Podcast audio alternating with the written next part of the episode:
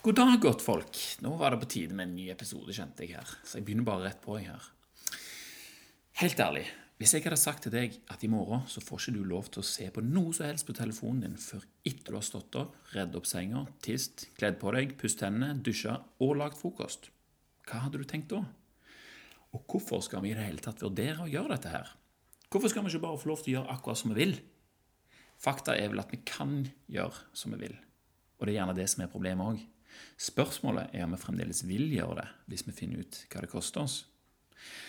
Er det en vane for deg å ta opp telefonen og la den gjøre deg klar for dagen? Er dette noe du har tenkt over og bestemt deg for at det er verdt det? Eller har det bare blitt sånn? Vil du vite om morgenen hvor Erna har vært og hva hun har sagt til hvem? Vil du vite et triks for hvordan du kan få vekk løs hud som henger sleng under armene dine? Hvordan du kan slette kredittkortgjeld ved å ta opp nok et lån, og ikke minst om ungen din er bortskjemt? Se hva som kommer ut av ormen! Dette er noen av de tingene som fanger oppmerksomheten min når jeg gikk inn på vg.no nå, bare for å se uh, hvordan dette her er. Hvis du vil se hva som kommer ut av ormen, så må du klikke deg inn for å se det. Og det er det tydeligvis mange som har gjort. Saken er veldig populær. Men hva har du igjen for å vite dette her som kommer ut av ormen? Og er det viktig for deg å vite det som noe av det aller første etter du har våkna? Til og med om du ikke trykker på det, vil du vite om det er mulig å finne ut hva som kommer ut av ormen. For å kunne bruke tiden vår på dette her, så er vi jo nødt for å benytte tid som ellers hadde gått til noe annet. Så hva er det da du bytter ut til fordel for å kunne tilegne deg denne informasjonen? Kan det ha seg at vi ikke forstår helt hva vi går glipp av når vi velger som vi gjør? Jeg vet at, alle, at det er ikke alle som gjør dette, her, men jeg vet òg at det er veldig mange som gjør det. Og dette er bare for å sette det litt i perspektiv. Jeg har gjort mye sjøl òg.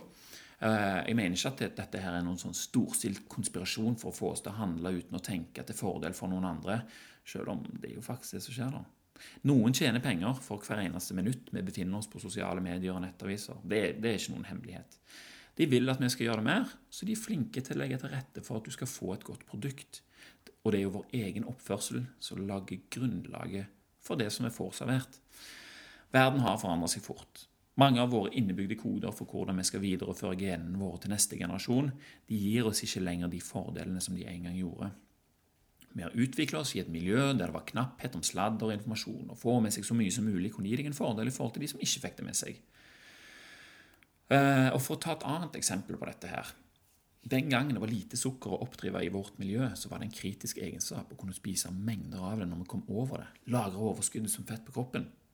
Det vi allerede har spist og lagra på kroppen, var det ikke mulig for andre å stjele, og det kunne heller ikke råtne og bli dårlig og gå tapt før vi kunne fått brukt det. Det var kamp om viktige næringsstoffer, ikke bare sukker, men alt. De som hadde de rette egenskapene, var de som var best i stand til å overleve og bringe akkurat de genene som styrer dette videre. Helt fram til vår tid. Dermed er dette fremdeles egenskaper vi har inni oss. Det er bare det at tilgangen er en helt annen, og nå har vi gått av å være litt selektive når det kommer til hva vi spiser. Sant? Sånn kan det være med informasjon òg. Nå er det veldig mye informasjon. Og akkurat som det er med mat, så er det vanskelig å begrense dette her. Ellers hadde det ikke vært noe overvekt og diabetes. Genene våre ønsker å benytte seg av tilgangen hele tida. Sånn er det med informasjon òg. Kan det være at vi tar til oss for mye, og at vi har godt av å begrense litt, eller i alle fall luke ut det som ikke er så viktig? Det er vanskelig å vite helt hva vi sitter igjen med for å følge det koda arvematerialet eh, som har ført oss der vi er i dag. Og dette er ikke noe nytt heller de siste ti årene liksom, etter iPhone kom. Allerede for nesten 2000 år siden så sa Markus Aurelius til seg sjøl at det, det, er essensielt å huske, det, eh, å huske, at den oppmerksomheten vi gir enhver handling, bør være i proporsjon med hva det er verdt for deg å gjøre det. Skal vi følge hans råd, så bør vi altså tenke over hva vi gjør, og om det er verdt det. Altså hva vi får igjen vil det bli lettere for oss å forstå hva vi gjør, hvis vi forstår hvorfor vi gjør det. Og når vi vet hvorfor, kan det hjelpe oss å kanskje endre oss til noe som er litt mer fornuftig i forhold til oss sjøl. Vi lever jo for oss sjøl, altså ikke noen andre enn oss sjøl. Så hvorfor skal vi ikke kunne gi nettopp oss sjøl det aller beste? Og Hvis du slår deg vrang og sier at 'jeg lever for familien min', så ja, helt klart, men vil ikke òg de du lever med, ha fordel av at du gir deg sjøl det beste, sånn at du kan gi dette videre til dem? Sant? Se for deg denne personen her som et ekstremt eksempel. Han sover gjennom natta, våkner av alarmen, Den er jo selvfølgelig på telefonen, den, og i løpet av natta har det akkumulert seg notifikasjoner. Han tar, for seg det som han, han tar for seg det som han anser som viktigst først, eller han tar for seg det som gir han den største gleden først. Er det Snapchat, eller er det Facebook? Det spiller egentlig ingen rolle. Alle de tre store skal gjennomgås før avisene står for tur. Lista er lang, og det tar tid. Har han beregna tid til dette her, eller var det meningen å stå opp når alarmen gikk? Det er de umiddelbare belønningene som råder, og prioriteringene blir raskt stokka om etter hvert. Planen var egentlig å stå opp, men ja, bare til 07.10, da. Da har jeg fremdeles tid. Ok, til 07.15. Da skal jeg bare sprette opp og rekke alt jeg har planlagt. Kontinuerlig hoderegning for tidsbruken før han skal være på jobb, sørger for at han hele veien har kontroll på hvor mange minutter han har til hvert gjøremål, og hvor, hvor mye lenger han kan eh, drøye det før en av tingene som han har planlagt, blir kansellert. Ah, et kort pust med lykke i det det skjer. Ah, jeg driter i frokosten i dag. Jeg kjøper noe på vei til jobb. Da åpner det seg enda flere minutter. Det er jo så kjekt og deilig å bare ligge der og bli servert. sant? 0720, 0722. Og siden han sjøl tydelig har instruert sosiale medier om hva som gjør han opprørt, sint, glad og motivert, blir dette servert i tur og orden. Mange av tingene han eh, blir vist, tør jeg påstå, handler om ting som egentlig ikke har noe som helst med han å gjøre i det hele tatt. Sinne er en varm kullbit du holder i hånda og venter på å kunne kaste til noen andre, heter et buddhistisk ordtak. Kanskje er det sinne som dominerer denne dagen. Det går an å kaste buddhistiske kullbiter i trafikken òg. Spesielt om det er idioter der ute som fører til at bilturen tar 24 minutter når du hadde beregna 18. Vet ikke de andre bilene at han har dårlig tid? Hjernen funker på den måten at følelser kan blokkere for rasjonell tenking. Blir noen av hans rasjonale tanker blokkert til fordel for emosjonelle handlinger i dag? Og kan det hende at det skjer i større grad pga. måten han tilbrakte sin morgensund på? Og ikke minst går dette utover andre enn han sjøl. You snooze, you lose. Den har du sikkert hørt før. Og det er noe i det. Hvis du har avtalt med deg sjøl når du skal stå opp, og hva du skal gjøre, så er jo det noe, en avtale du har med deg sjøl. Og hvis den aller første handlingen du utfører om morgenen etter du våkner, er å bryte den avtalen, altså du resignerer og du, du, du på en måte serverer deg et tap Du bare sånn ah, faen, jeg klarte ikke å stå bare jeg må ha litt til, så, så går det på. sant? Altså, uh, Dette her kan sette standarden for resten av dagen. Da blir det lettere kanskje å, å gjøre det samme med andre ting som du har planlagt. Mm? Andre følelser og andre svakheter du har, kan sørge for at, du, at, uh, at dagen blir fylt av nederlag og, og masse informasjon som gjør at det blir vanskelig å sortere dine egne tanker fra andre sine. Men hva om den første tingen som skjedde om morgenen, var en seier, og det var den effekten som lot seg gjelde utover dagen? Se for deg at du står opp, rer opp senga, pusser tennene, dusjer, kler deg, lager frokost før telefonen får oppmerksomhet. Kanskje det hadde blitt en deilig morgen der du kunne benytte til å, å, tenke på hva du skulle gjøre, og hva du ville gjøre den dagen. Sant? Hva du ville gjøre. Du trenger i hvert fall ikke lure på hva du skal kjøpe til frokost, og hvor det er raskest å få dette til på vei til jobb avgjørelser og kapasitet er spart i forhold til om du hadde solgt frokosttida di til Facebook.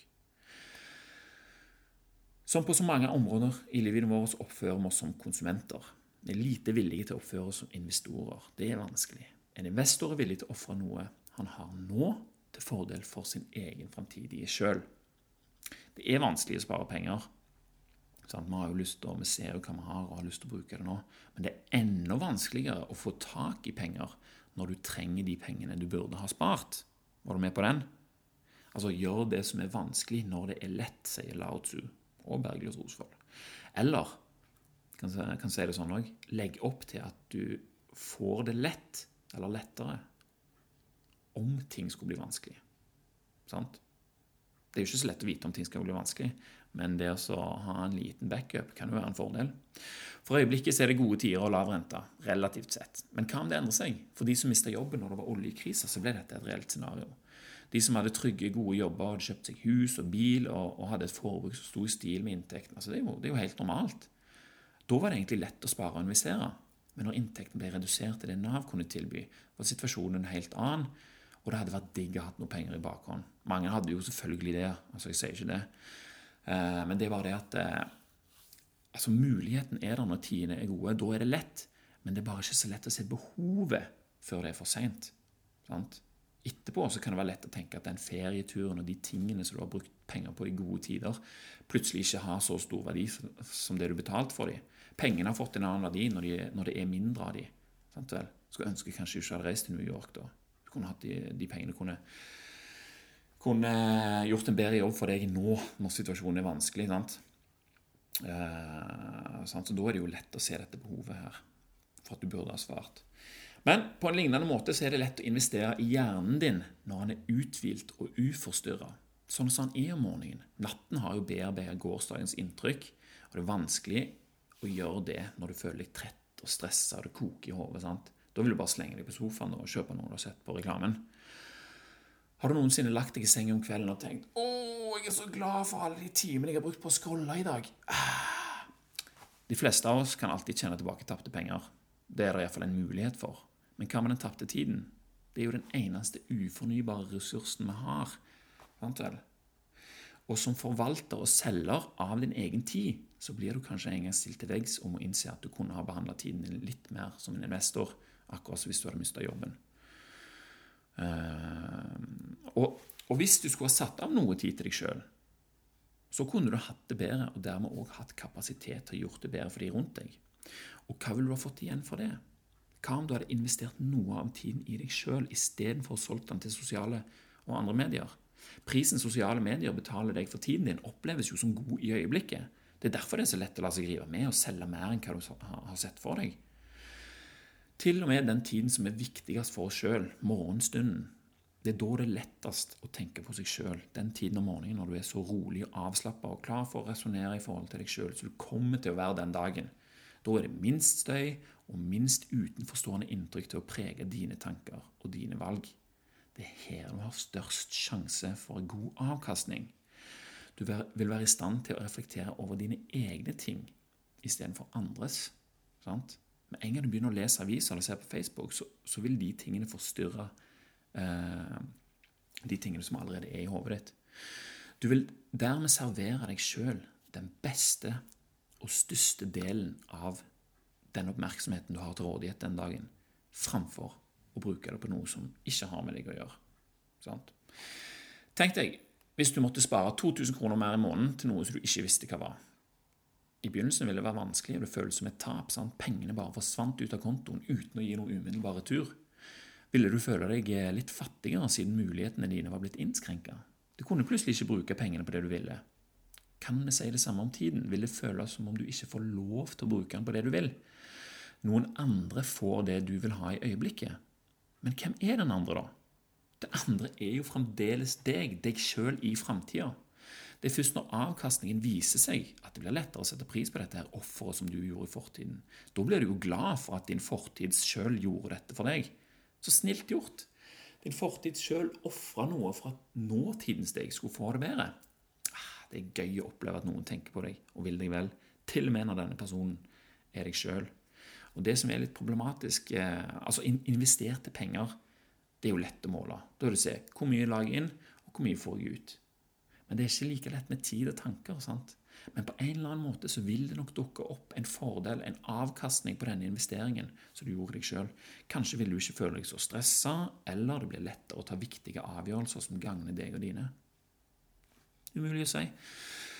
Jeg mener heller ikke at vi skal slutte med sosiale medier og slutte å bruke telefonen. sånn. Jeg bruker mine telefoner. Jeg. jeg lurer bare på om det kan gi oss en fordel å sette en høyere pris på noe av tiden vår, og heller selge den tiden som er mindre dyrebar for oss. F.eks. når det ikke er ungene våre rundt oss, eller når du vet at det er lettere å tenke som om morgenen. Jeg tenker at det er siste slutt på kvelden og første start på dagen som er de minuttene jeg har best, eh, mest igjen for å være alene med, med tankene mine. Men det kan variere. Du kan ha en helt annen oppfatning. Men det som er sikkert, er at vi har en fordel av å tenke ut hvilken tid vi vil ha for oss sjøl, og hvilken tid som det er ok å selge. Så Det var egentlig alt jeg hadde å si for i dag. I løpet av sommeren så har jeg eh, spilt en del munnharper, så her skal du få en liten trudelutt som avslutning. Og så satser vi på at vi snakkes snart.